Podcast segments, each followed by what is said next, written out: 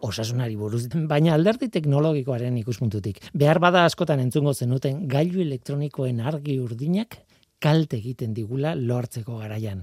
Oso zabalduta dago uste hori, argi urdinak kalte egiten du eta beraz ez dago mendagarria ba, tablet batean, mugikorrean edo horrelako gailu elektroniko baten bidez irakurtzea adibidez, ez? E, lotara joan baino lehen. Bestalde esaten da argi urdinak estresa ere ekartzen diela gure begiei, baina egialda hori horrelakorik baiestatzen duen ikerketarik bal dago. Hasieratik esango dizuet, kontua ez dago bat ere argi. Gainera, ematen du esetz, ez dela egia.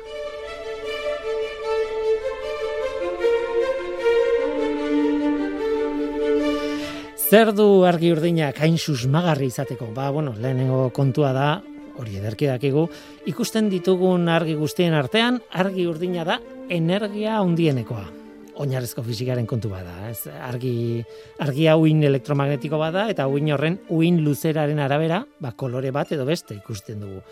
Energia basuenekoa eta uin luzera handienekoa gorria da. Eta kontrakoa, energia altuenekoa eta uin luzera txikiena duena urdina. Ikusten dugun argian, noski, hortik kanpora energiaren eskalan, ba, azpitik argi infragorria dago eta goitik argi ultramorea. Ikusten ez ditugun horiek. Bueno, oinarrizko fisika baina ez dizu eta aspertu nahi horrekin guztiarekin. Kontua da, argi urdinak energia gehiago duela beste dozen koloreko argiak baino autua. Orain, energia gehiago izatea nahikoa da gure loa eragozteko edo zailtzeko eta begiari estresa ekartzeko, ba horrazten dia ez ezkoak. Zergatik, ba nola esateko urdinaz dugulako asko ikusten ikusten dugu, noski baietz, argi urdina ikusten dugu, baina begiaz da argi urdina bereziki ikusten duen organo espezializatu bat. Arrazoi bat dago horretarako, natura bera. Begiaren barruko eta atzekaldeko paretan, erretina ditzen dugun zati horretan, ba, handaude zelula fotosentikorrak. Hori da argia jasotzeko sensorea nahi badezu ez. Eta erretinako zeluletan proteina berezi batzuk daude batzuek, bastoiak, argitasuna jasotzen dute. Argi kantitatea, berdin duze kolorikoa. Baina beste batzuek kolorei antzematen diete. Eta hiru kolore mota ditugu. Askotan esaten dugu batzuek gorria jasotzen dutela, beste batzuek berdea eta beste batzuek urdina. Mm, ez da zehazki horrela, baina bueno, kontatu behar dudana kontatzeko, bai, balio dit. Gorria, berdea eta urdina, hala esango dugu. Oso ondo. Ba hemen dator kontua berdea jasotzen duten proteinak asko zugariagoak dira besteak baino. Kolore berdea ikusteko ekipatuta gaude eta ez beste gorria edo urdina ikusteko. Berriz ere, hirurak ikusi eta kombinatzen ditugu burmuinean noski. Baina berdea da gure erreginaren gogokoena. Nik uste dut argazkilaritzaz dakitenek ba, badakitela zerta zari naizen, segurasko bai. Zehaztasun handietan sartu gabe, argazki eta bideokamerek irudien sentsoreak dituzte, ez? Argia harrapatzen duen gailua, txartel moduko bat kameraren barruan. Kameraren bereizmena, erresoluzioa, sentsore horren pixel konpuroen araberakoa da, baina pixel bakoitza ez dago osatuta hiru mini sentsorez, gorri bat, berde bat eta ordin bat. Baizik eta argi berdea jasotzen duten mini sentsoreen kopurua besteena baina handiagoa da askotan aipatzen da lau bi bi konfigurazioa argazki laritzaren munduan edo kameren munduan. Lau mini sentsore berde, bi gorri eta bi urdin. Hori da proportzia normalean txarteletan. Azken batean kamerak gizakia begie, giza, gizakiaren begia imitatu nahi du argazkien koloreak natural itxura izateko.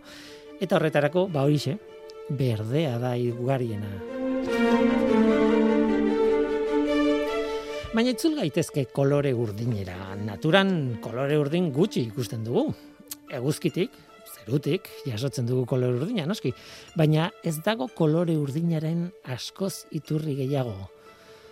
Kolore gorria tradizionalki frutetan, bueno, zuan ere bai, eta beste toki batzuetan ikusten dugu, ez?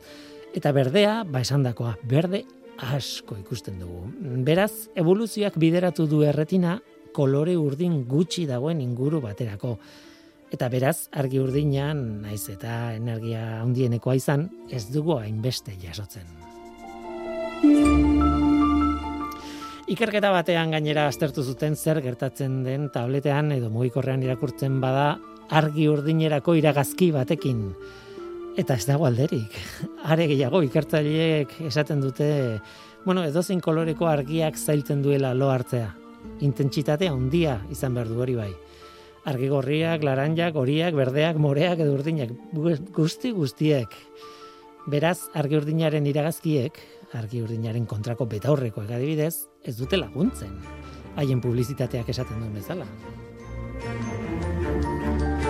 Badakigu argi urdinak, kasu honetan bai, melatonina izeneko hormona baten ekoizpena moztu egiten duela, eteten duela. Eta melatoninak iluntasunaren aurreko erantzunak udeatzen du nola bait.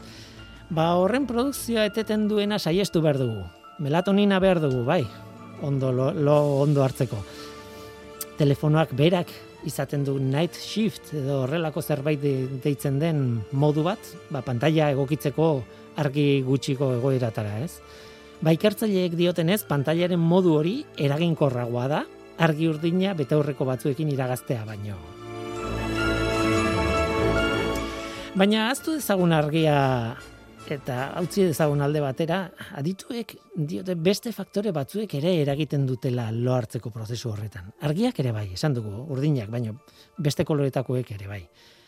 Baino beste faktore batzuk. Haietako bat oso garrantzitsua begiaren ezetasuna. Begiak lehortzea ez da ona.